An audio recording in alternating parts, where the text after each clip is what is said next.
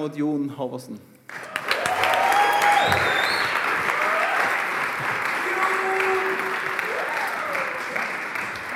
Så bra. Mye energi i salen. Det er jo Det er bra. Så bra. Jon, eh, så fint å ha deg her. Takk. Veldig veldig gøy å få være her. Fantastisk. Takk for det.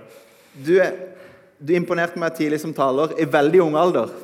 Eh, eh, og det, jeg husker det fortsatt. Jeg vet Ja. ikke om du husker det, men Jo, eh, jo jeg kan du gjør huske det. det. Ja. Eh, men de senere årene så har du liksom eh, Du taler sikkert litt fortsatt da, men det er liksom apologitikk apologetikk og trosforsvar det handler om. Mm.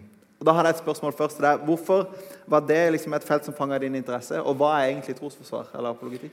Ja, det, det er et godt spørsmål. Så um, for, for å si litt om det, så tror jeg kanskje at vi må eh, eh, prate litt om på en måte min vei inn til, til tro. Ja, men det er fint. Uh, for for jeg, har, jeg har ikke hatt en sånn typisk kristen, uh, kristen oppvekst. Eh, tro var noe vi liksom Det var, det var noe vi ikke snakka om i hjemmet. Hjemme hos dere, så var ikke det Eh, ja, tema. det, jeg, jeg kan liksom ikke huske altså, Aldri si aldri, liksom. Men, Ja. men jeg kan ikke huske noen ganger hvor vi har prata om Gud eller lignende Mm. i min oppvekst.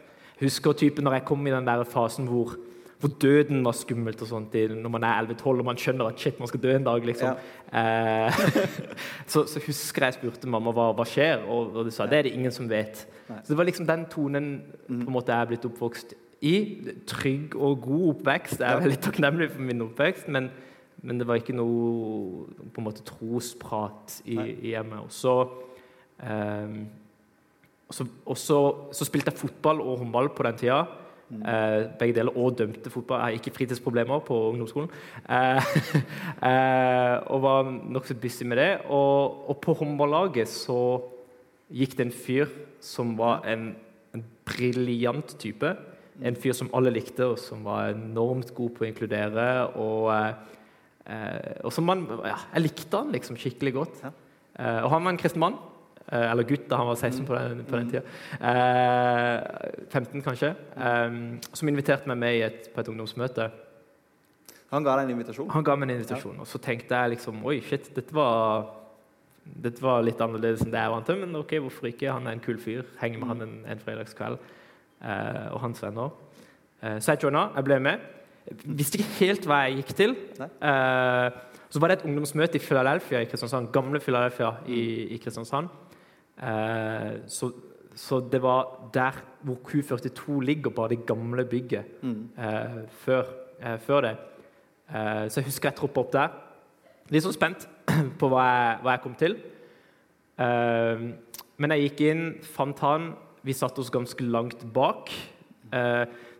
Salen Jeg vet ikke om noen av dere har vært i gamle, gamle Filla. Du har kanskje vært der? Jeg har vært der. Du har vært der. Men den var liksom bygd opp som en kinosal. så Den begynner liksom flatt, og så går det høyere og høyere jo langt bak du kommer. Eh, og vi satte oss ganske langt bak, ganske høyt oppe. Og jeg sitter der liksom ti minutter til møtet begynner. Hva, hva skjer her nå? Og det var mye folk på den tida. Sånn 400 stykk på, på alle ungdomsmøtene eh, på den tida.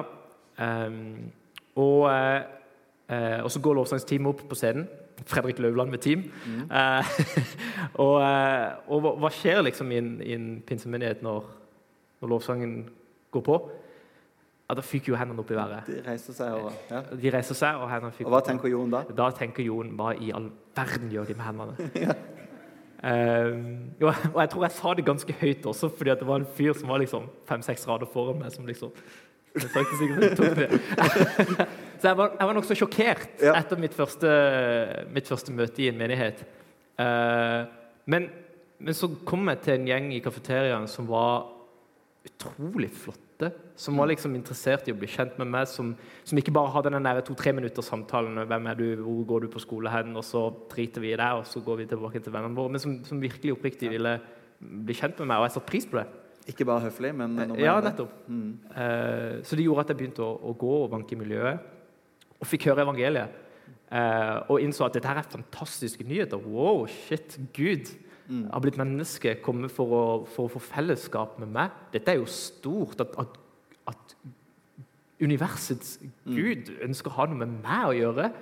Eh, det var helt sånn overveldende og fantastisk i min verden. Eh, men, men jeg sleit med å liksom tro at dette her var sant. da. Jeg skjønte at det var gode nyheter, men, men kan jeg tro på det, liksom? Eh, og et ledd, det, et ledd i det er nok at jeg også var mye med i fotball. Ja. Og hadde mange muslimske venner der som trodde på noe helt annet Ja. enn hva mine kristne venner trodde på. Så jo mer på en måte jeg vanka i dette miljøet, jo mer jeg gikk rundt, jo mer forvirra ble jeg. Og jeg husker at det endte opp såpass drastisk at det, altså, eh, jeg, jeg klarte ikke å slutte å tenke på det. Hva, hva er sant? Liksom? Eh, Hva skal jeg tro på av dette her? Um, og det var på en måte til et punkt hvor liksom, it, it kept me up all night. Tenkte så mye på det. Uh, og så sa jeg det til en, til en fyr i den menigheten, der, og han sa vel vi har masse gode grunner for å tro at kristen tro er sant. Vi har masse gode historiske grunner for å tro at Jesus sto opp fra de døde. Hva om du vil sjekke de ut? Så begynte jeg å lese, og ble egentlig helt fengsla i dette universet av, av argumenter. Og finne ut at wow, dette, dette håpet, da, dette, dette evangeliebudskapet er faktisk troverdig. Det, det er verdt å sette sin lit til. Det er faktisk sannsynliggjort gjennom argumenter. Eh, og det syns jeg var fantastisk spennende og fengslende, og det har jeg gjort mye eh, ja, lest mye på i etterkant. Synes det har vært veldig gøy. Du begynte å lese der, og så har du aldri stoppa, egentlig? Ja, På, eh, kan si det sånn at eh, jeg syns det var såpass fengslende at eh, det fantes en, en mulighet for å kunne tenke rasjonelt og, og Ja. argumentativt rundt troa. Det syns jeg var enormt fascinerende og spennende. så din vei inn i å skulle jobbe masse med dette som du har gjort, Mm, mm. er det riktig å si at det var liksom, du trengte å vite at det var troverdig og sant? da? Ja. En sånn sannhetssøken? Ja, i, i utgangspunktet så var det det. Jeg, jeg så mange rundt meg hadde litt sånne der, en måte følelsesmessige opplevelser eller bønneopplevelser. Og, og det tror jeg på, absolutt, og det opplever jeg sjøl en dag i dag. Jeg hadde nok kanskje ikke den innledningsvis, at jeg på en måte hadde et, et øyeblikk hvor Gud liksom eh, viste seg klart og tydelig for meg og, og talte til meg eller lignende. Det, det, det opplevde jeg ikke, men, men jeg opplevde at jo mer jeg, jeg gikk, jo tryggere ble jeg i troa, fordi at jeg så at det var troverdig. Jeg har gode grunner for å tro at dette er mye mer enn bare en fin fortelling, men, men det er også sant. da. Så dette ble jo din vei inn til å, til å, bli kristen, da? Er det riktig? Ja, så hva skal man si, Fra begynnelsen av, når jeg begynte å gå i denne miljø, dette miljøet, eller i ditt, på disse ungdomsmøtene, så, så vil jeg kanskje si at det var en sånn der eh, en sånn udefinert tro. Jeg hadde aldri åpna en bibel før, ikke sant? så jeg Nei. ante jo ikke hva det gikk ut på. Jeg, jeg kunne ikke ha sagt en eneste bok i Bibelen. Eh, så, så jeg visste jo liksom ikke helt hva det gikk ut på. Mm. Eh, men, men en, en eller annen form for tro var det nok fra starten av. Men på en måte jo mer jeg dukka dypere, jo mer uh, Som sagt, da eh, ble jeg overbevist om at dette, dette er sant. Men når beveger dette seg fra liksom, en sånn sannhetssøken for, for egen overbevisning til å bli noe du jobber ganske masse med? For, for min opplevelse er Ja. Det er ikke sikkert det er riktig, da, men, men når jeg ble kjent med det, så da kjente ikke jeg så veldig mange andre som var veldig opptatt av liksom, apologetikk. Mm. Vi må kanskje komme tilbake til hva er det egentlig er for noe, men, men, men i mitt hode så, så pionerte du på en måte litt sånn interessen for det, i hvert fall i min omkrets. Er det, er det helt eh, feil, eller er det litt riktig? Ja, altså, vi, vi kan jo ta på apologetikk er først. Ja. da, for at det, det er litt sånn fremmedord. Eh, folk Ja. kan tenke 'What in the world?' Er, er, det, er det de snakker om apologetikk? Eh, noen kjenner kanskje til det, men, men, men for andre er det kanskje litt nytt. Det er liksom det man gjerne kaller for kristen trosforsvar. Ja. Eh, selve ordet finner du faktisk i Bibelen.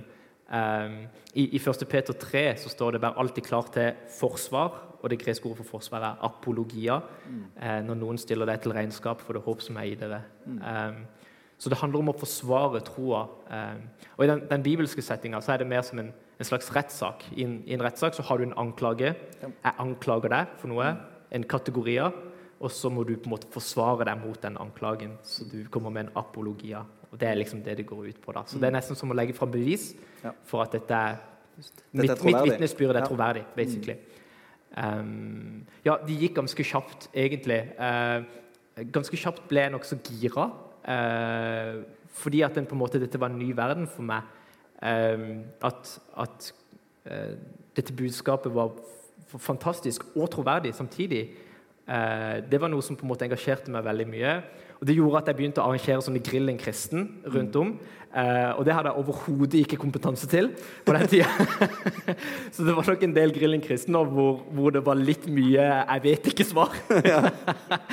men, men, eh, men uansett så var det kanskje noe som, Ja. som lett motiverte meg til å kanskje finne svar, sånn at jeg slapp å si 'jeg vet ikke' neste gang, men kanskje kunne finne, finne noen gode svar i etterkant. Eh, og om det var noe som, som var litt nytt og ferskt på den tida, mulig. Eh, litt sånn delte respons. Noen var litt der at eh, at Hvorfor skal vi drive og forklare troa og forsvare troa? Hvorfor eh, ikke bare la folk få et møte med Den hellige ånd, eh, og, så, og så er ting i boks, liksom? Ja.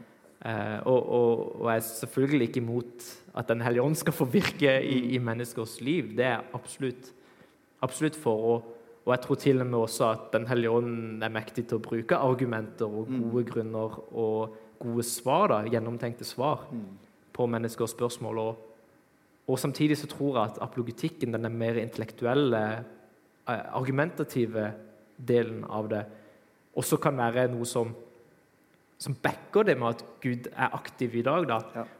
Eh, Om, om det jeg argumenterer for, er, er sant, at, at vi har gode historiske grunner til å tenke at Jesus faktisk sto opp fra de døde og lever i dag, så er det jo det mest naturlige i verden at han forandrer liv, at han, at han viser seg for mennesker, at han rører ved mennesker. Så, så det er ikke liksom eh, Apologetikken og liksom karismatikken går liksom ikke i forskjellige retninger, men de støtter opp om hverandre.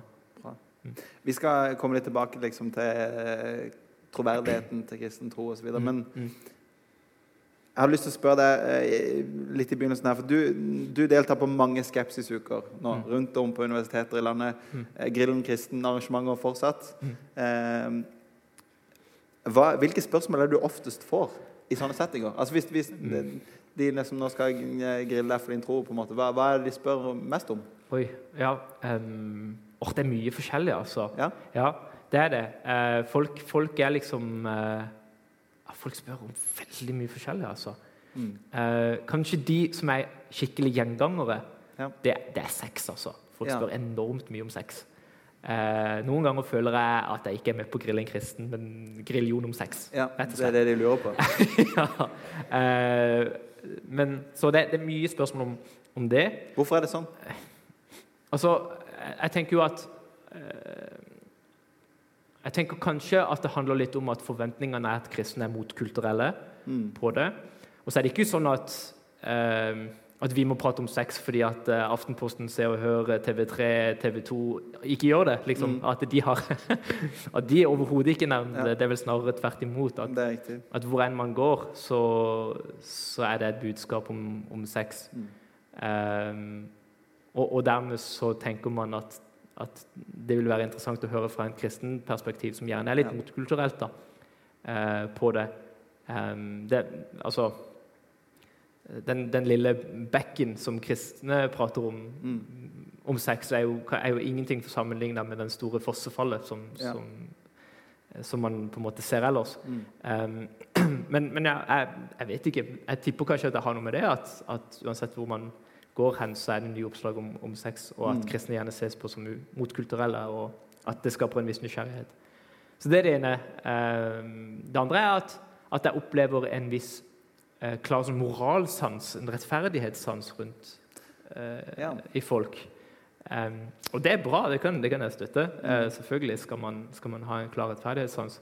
Um, gjerne spørsmål som, som er ikke Gud ond, som tillater så mye lidelse og ondskap i verden? Er ikke Gud ond, som lar gode mennesker få oppleve forferdelige ting? Er ikke Gud ond, som, som tillater at folk går fortapt, f.eks.? For Mm.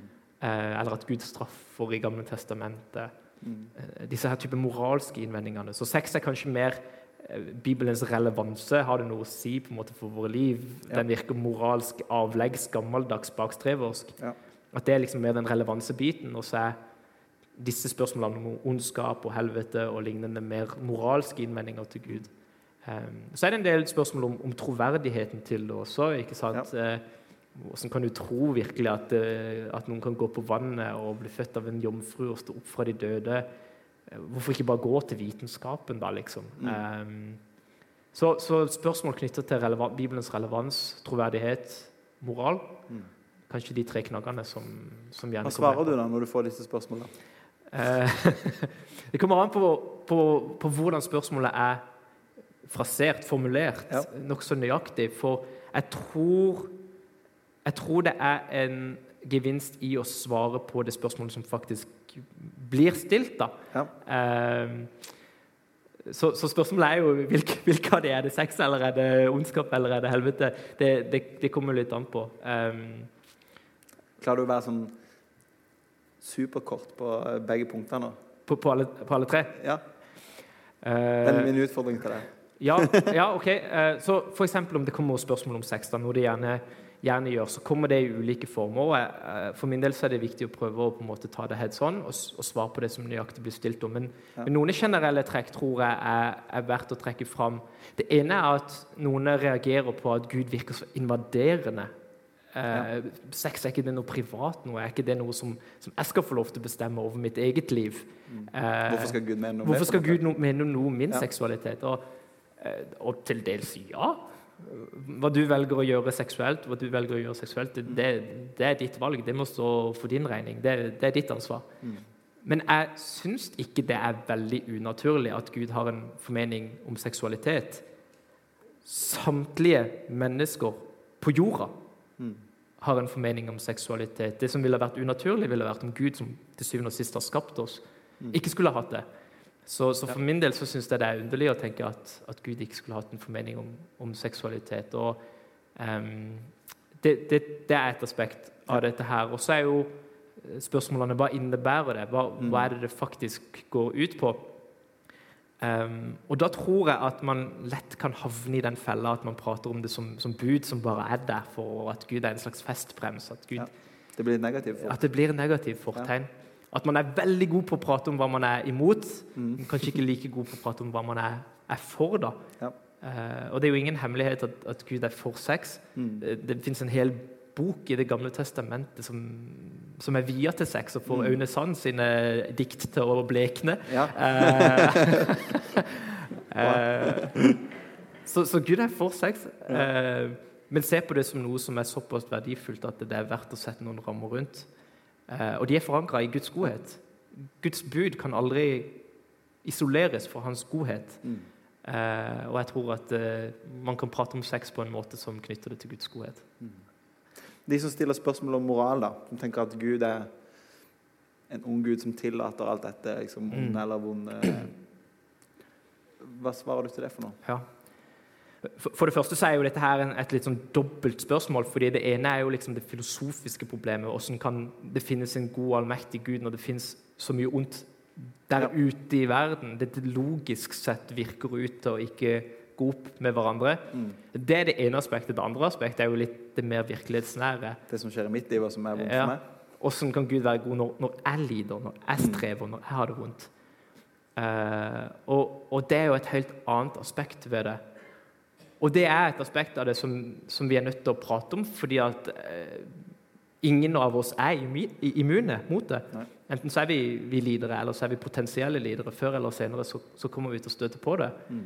Um, og da trengs det kanskje noe annet enn dette Eh, la oss bruke analytisk filosofi. Eh, du er syk, nå skal jeg gi deg et kjempegodt filosofi. Eh, les denne her, liksom. Det, det fungerer Det er ikke så mye trøst i et teknisk svar? Nei, på en måte. Nei, det er kanskje ikke det.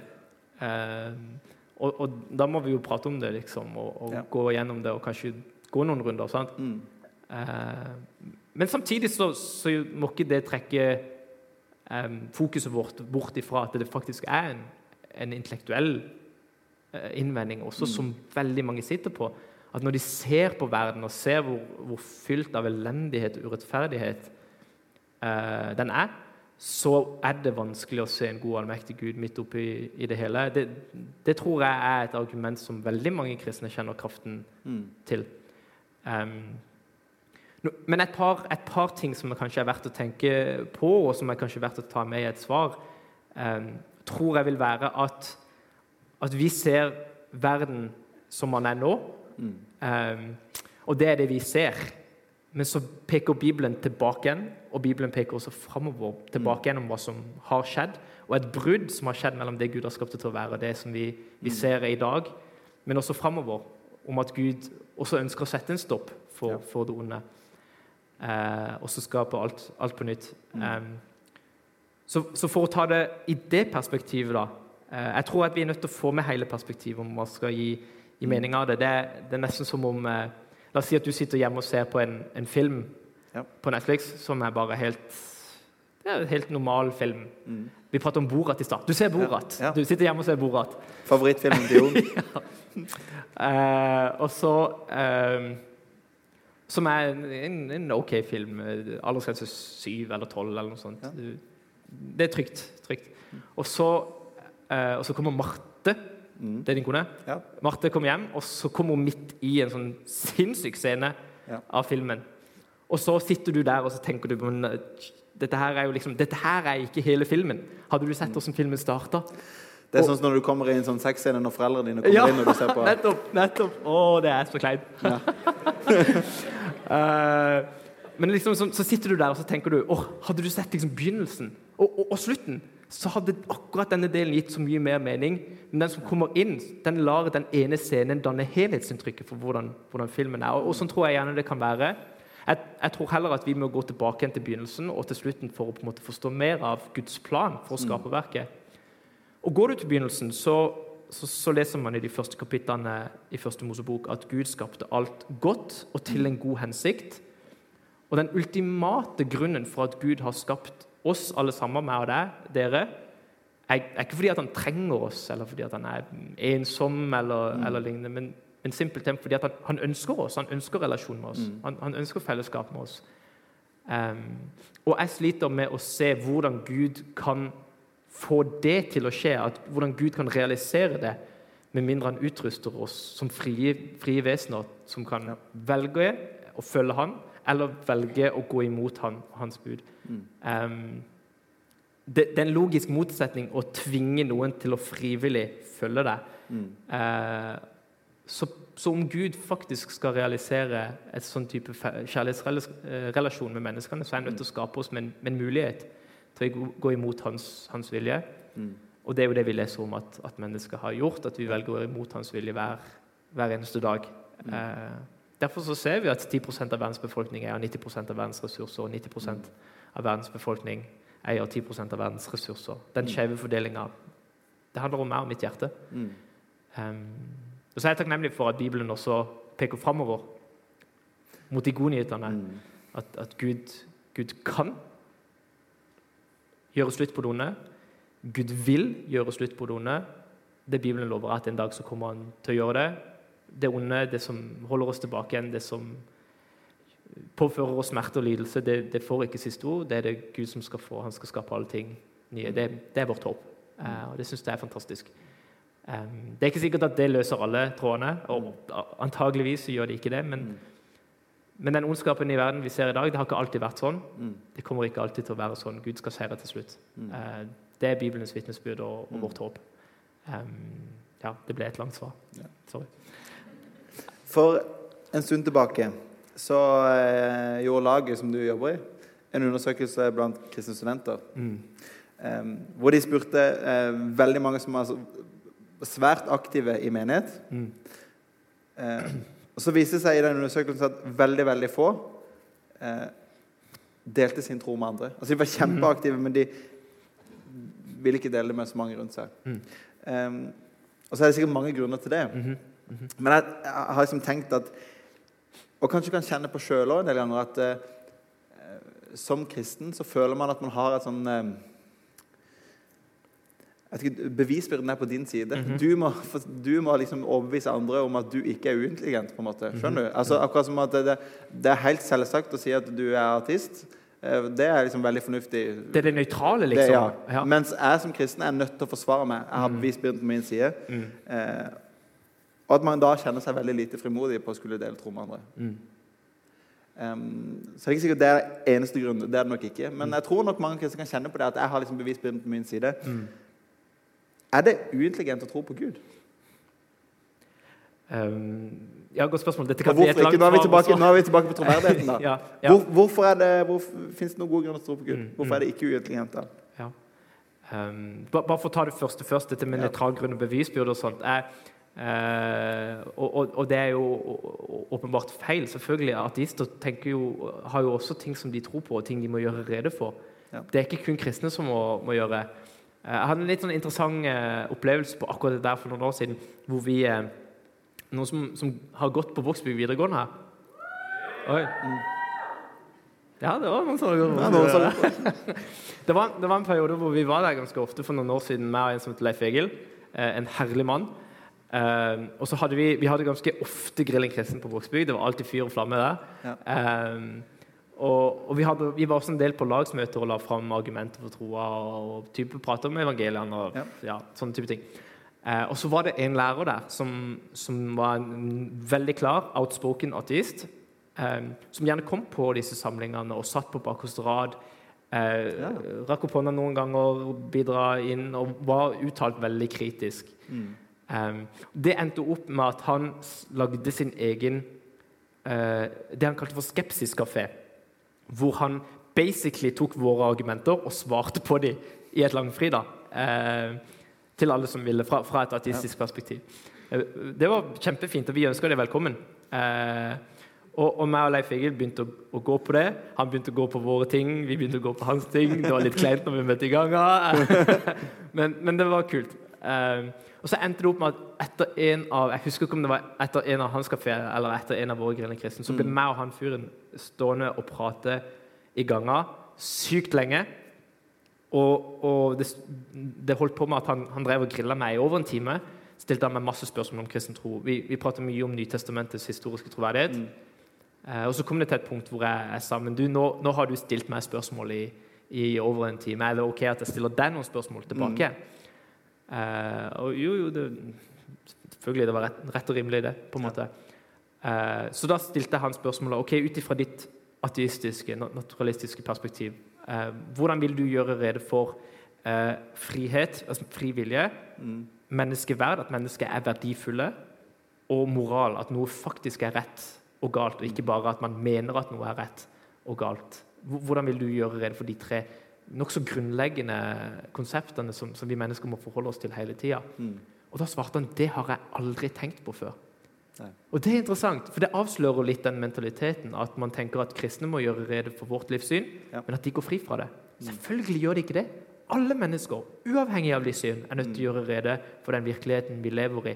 Det er lov til å utfordre tilbake igjen. Vi trenger ikke alltid å være på defensiven, men det er lov til å stille spørsmål Ja. tilbake igjen. Tror du virkelig at dette vanvittige universet er skapt tilfeldig? Tror du virkelig det? Mm. Tror du virkelig at vi mennesker er tilfeldige? Kun et, et produkt av, av naturlig seleksjon og mutasjoner? At det ikke finnes noe større bak dette her? Tror du virkelig at, ja, at man kan på en måte Det er lov til å stille litt spørsmål tilbake igjen. Um, så man må ikke falle for den der at, at vi kristne må liksom ha hele tyngden på våre skuldre. Det er faktisk lov til å utfordre litt tilbake igjen. Det tror jeg er et godt perspektiv. Eh, Og så var neste det, Ja, for ja. eh, Vi snakker om dette at jeg, jeg kan gjerne føle at jeg har litt dårlig kort på hånda da, Ja. i, i et sånn eh, samtale, men, men har vi egentlig det? ja, du har kjempegod kort på hånda. Ja, Ja. Hvorfor har jeg det? Jeg syns det, iallfall. Beklager det. Um, så, så jeg kan jo si litt hva som har overbevist meg, da. Ja. Um, hvilke argumenter som jeg syns er gode. Eh, det finnes en hel haug av argumenter som, som ikke overbeviser meg, som, som jeg ikke syns er gode. Ja. Eh, og det er ikke sånn at, at man ser på argumenter, og så ser man at ok, dette argumentet peker, imot at Gud eksister, peker for at Gud eksisterer, og derfor mm. er det godt. Mm. Sånn må man ikke tenke. Nei. For det er mange argumenter for Guds eksistens som er nokså svake. Eh, men, eh, men så er det også noen som er ganske gode. Mm. Og det er mange som på en måte ikke tenker at, at det er ett liksom fellende argument som er liksom At om du peker der, der har du liksom the real deal Guds argument. Ja. Men at man peker kanskje på et litt sånn bredde av argumenter. Um, og det tror jeg man kan gjøre. Mm. Uh, kanskje de som har overbevist meg mest, er knytta til liksom, universet, universets begynnelse og universets finjustering. Um, at Jeg skal prøve å få det til så kort som mulig. Ja, for hva, Du eh, snakker om universet og finjustering. Hva, Ja. hva handler det om for? Så argumentet om at Gud er den beste forklaringa på begynnelsen av universet, Ja. Dreier seg gjennom at, at man har gode grunner for å tro at alt som begynner å eksistere, Mm. det må ha en årsak. Vi, vi har ingen, eh, ingen eksempler på noen ting som bare popper inn i eksistens totalt uten, uten årsak. Dette lyset er blitt til ved at noen har lagd det ut ifra ting som allerede har eksistert. Du er blitt til ved at dine foreldre har møttes, og Ja. du er blitt til Nå prater vi om sex igjen. Eh, og, og, og dine foreldre er igjen Yes. eh, Det er dårlig vitenskap å si at det ikke er en årsak bak. i hvert fall. Ja, ja ikke sant. Eh, Så, så alt som begynner å eksistere, det, det har en årsak. Ja.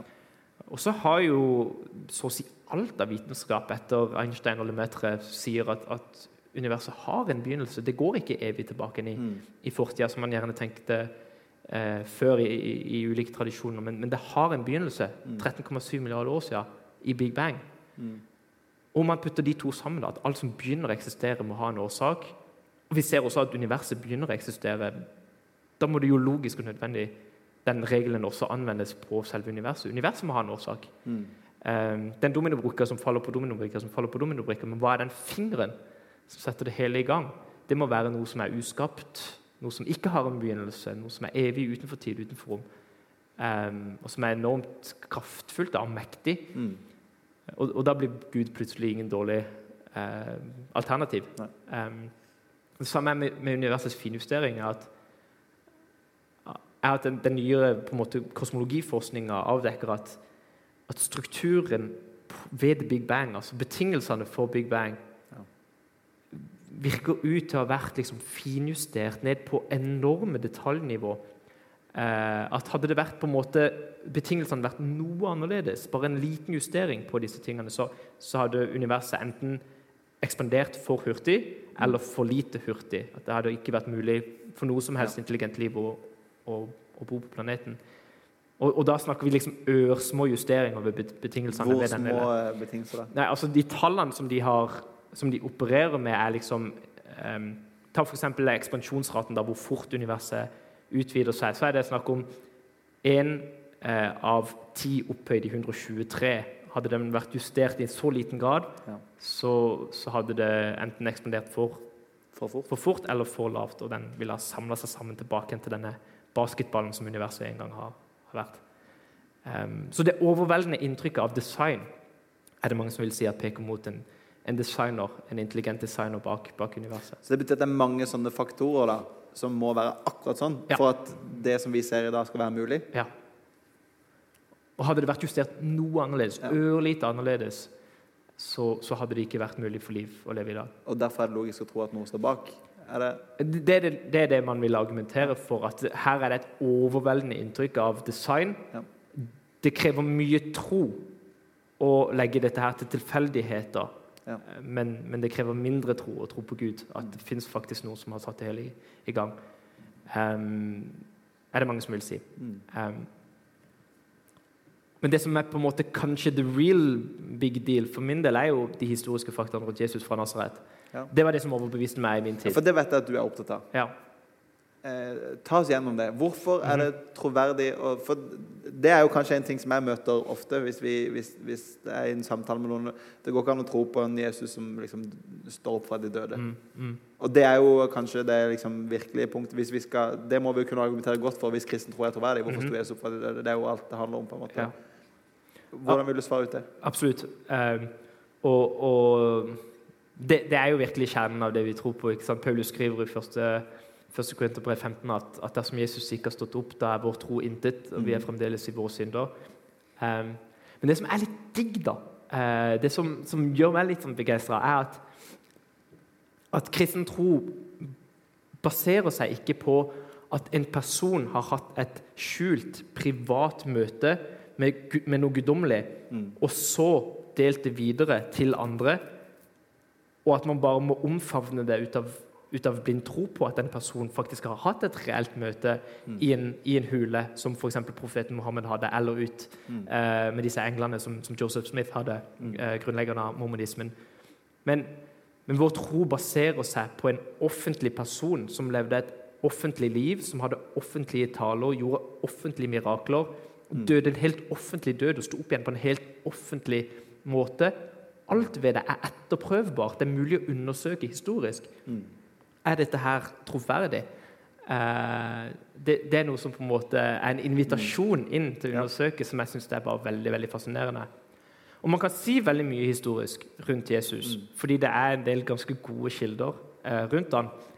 Eh, og, og grunnen til at jeg tenker at det er legitimt sannsynlig å tro at Jesus sto opp fra de døde, er basert gjerne rundt syv ulike historiske fakta Ja. Som som faktisk bredden av historikere i relevante felt er enige om. Og, og Der finner du jøder som er enig i det. Um, du finner artister som er enig i det, agnostikere og kristne. Så det er ikke liksom bare at de kristne har kommet sammen og sagt nå skal vi lage en kjempegod case for, ja. uh, for Jesu oppstandelse, men, men det er faktisk ganske mange uh, som ikke er kristne, som også kan backe disse historiske faktaene. Eh, og Det ene er at evangeliene blir sett på som gode historiske kilder Ja. til Jesu liv, døde og oppstandelse. De er skrevet kjapt etter hendelsene, mellom 20 og 60 år etter hendelsene. Noe som er ganske kort i et historisk perspektiv. De er ikke skrevet av folk som eh, er mange generasjoner i etterkant, men de er skrevet av enten øyenvitner, direkte øyenvitner, eller mennesker med direkte kontakt til øyenvitner. Så de er skrevet tett på hendelsene. Ja. De er fylt med etterprøvbare detaljer. Eh, de knagger egentlig de aller, aller fleste kriteriene som historikere setter for å finne ut av om en kilde er historisk troverdig eller ikke. Så evangeliene blir, blir sett på som god historie. Ja. Eh, en, en, eh, en, en som heter Sir William Ramsay, sa at dersom Lukas ikke hadde skrevet om en religiøs figur, så ville Lukas blitt sett på som den fremste historikeren i antikken. Det mente han. Ja. Eh, så, så det blir iallfall sett på som god historie. Ja. Det andre er at vi har enorme mange, enormt god grunn for å tenke at Jesus faktisk døde på korset. Eh, Det er et av de mest veletablerte fa- faktaene fra hele antikken. Eh, Når, når historikere opererer med, med historiske fakta og med kilder, så er det mange som på ma- mange hendelser som hviler på én kilde. Har du to kilder, så er det fantastisk. Eh, Har du tre, så er det briljant. Eh, eh, En, en forsker som heter Bart Ørmen, som, som ikke er en, en kristen sjøl, han, han lister opp elleve tidlige selvstendige kilder til Jesu korsfestelse. Altså det er way beyond det man kan forvente. Nummer tre det er at grava var tom. tom. Ja. Det mener faktisk majoriteten av, av forskere. Og Grunnen til at de mener det, er, er ganske mange. Eh, men kanskje den mest tiltalende grunnen til at de mener at, at grava var tom, er at teorien om en, en oppstandelse skapte veldig mye uro i Jerusalem eh, på den tida. Folk gikk rundt og sa at Jesus sto fra de døde, og det skapte masse uro som verken romerne eller jødene likte. Og Det de enkelt og greit kunne ha gjort for å få slutt på den uroen og denne bevegelsen som starta seg, det var jo å åpne grava og si 'Her er liket. Ja. Dø.' Eh, Og så ville det på en måte slutta den bevegelsen umiddelbart. Ja. Eh, men det at de ikke kunne gjøre, gjøre det, men heller på den andre sida bortforklare hvorfor grava var tom. De sa det er noen som har stjålet liket. Eh, er en ganske klar indikasjon på at grava faktisk var tom. Ja.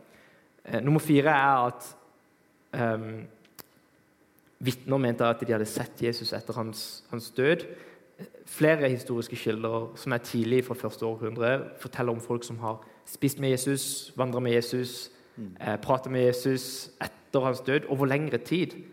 Og siden det er over lengre tid, og det er så mange mennesker, så er det vanskelig å tilegne det en slags hallusinasjonsteori. For det er så Ja. mange mennesker som har på en måte vitna om det Ja. i etterkant. Nummer fem er uh, um, litt teknisk, Eh, men det handler mye om em, at, at det var vitner som var på en måte de første Nei, at det var kvinner som var de første vitnene til, til oppstandelsen. Ja. Um, og det, det er eh, Bare for en gi Det var voldsomt. eh, Jeg satt skikkelig hardt i den her. Beklager. Eh, for å på en måte tegne litt opp i hvordan det var. Eh, Kvinnesynet var veldig annerledes på den tida enn det det er nå.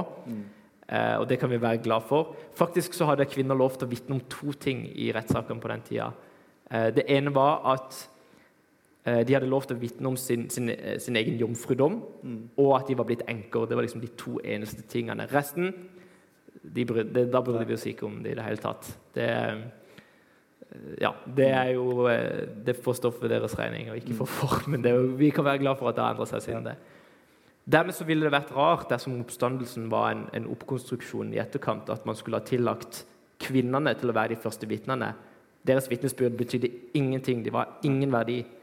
Ehm, det beste grunnen til at de faktisk at de ble tilegna kvinnene til å være de første vitnene, er antageligvis fordi at kvinnene var Ja. de første vitnene til oppstandelsen. Hvis du skal lage en konstruksjon av noe, så er det dårlig å putte det inn. Ja, ja det er lite taktisk, iallfall, om man prøver å overbevise noen. Mm.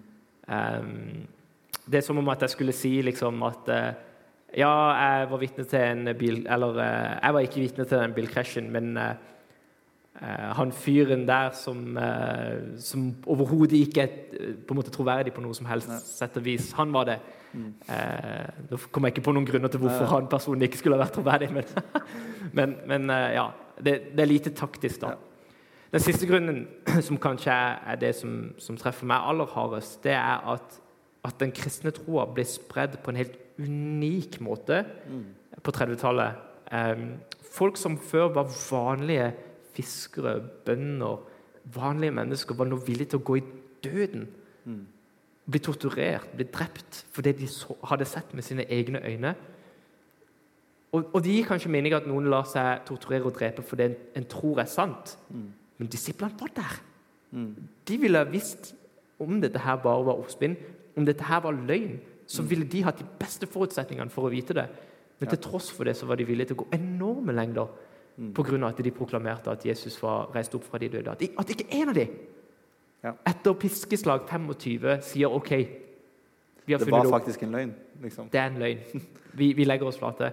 Men at alle sammen var villige til å gå den enorme lengden av fysisk avstraffing, eh, bli sosialt skjøvet ut av samfunnet og til slutt drept mange av dem.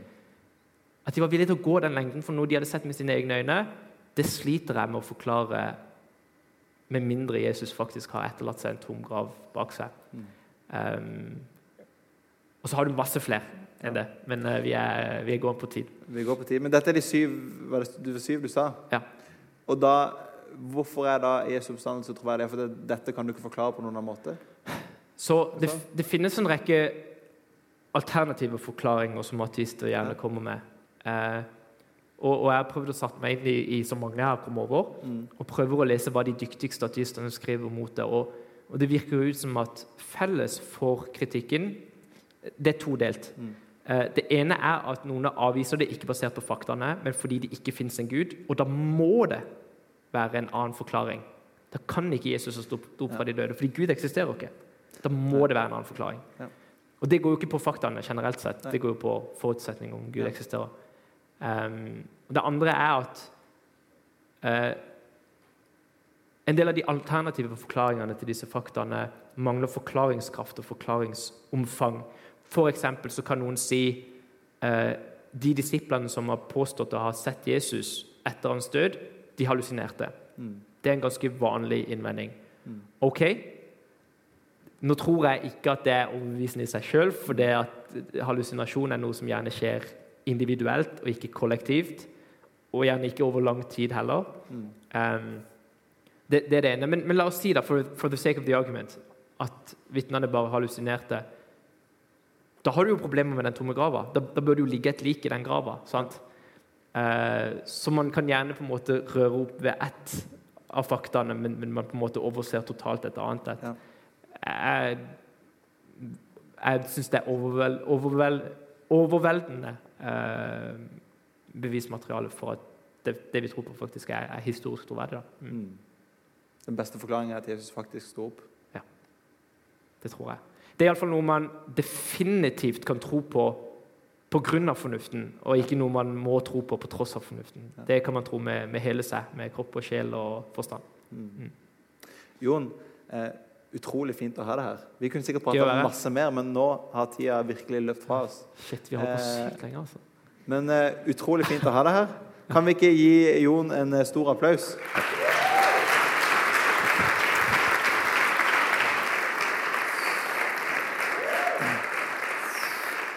Vi skal straks gå videre i lovsang, men før vi gjør det, så har jeg lyst til å be en bønn. Herre Jesus, takk for at eh,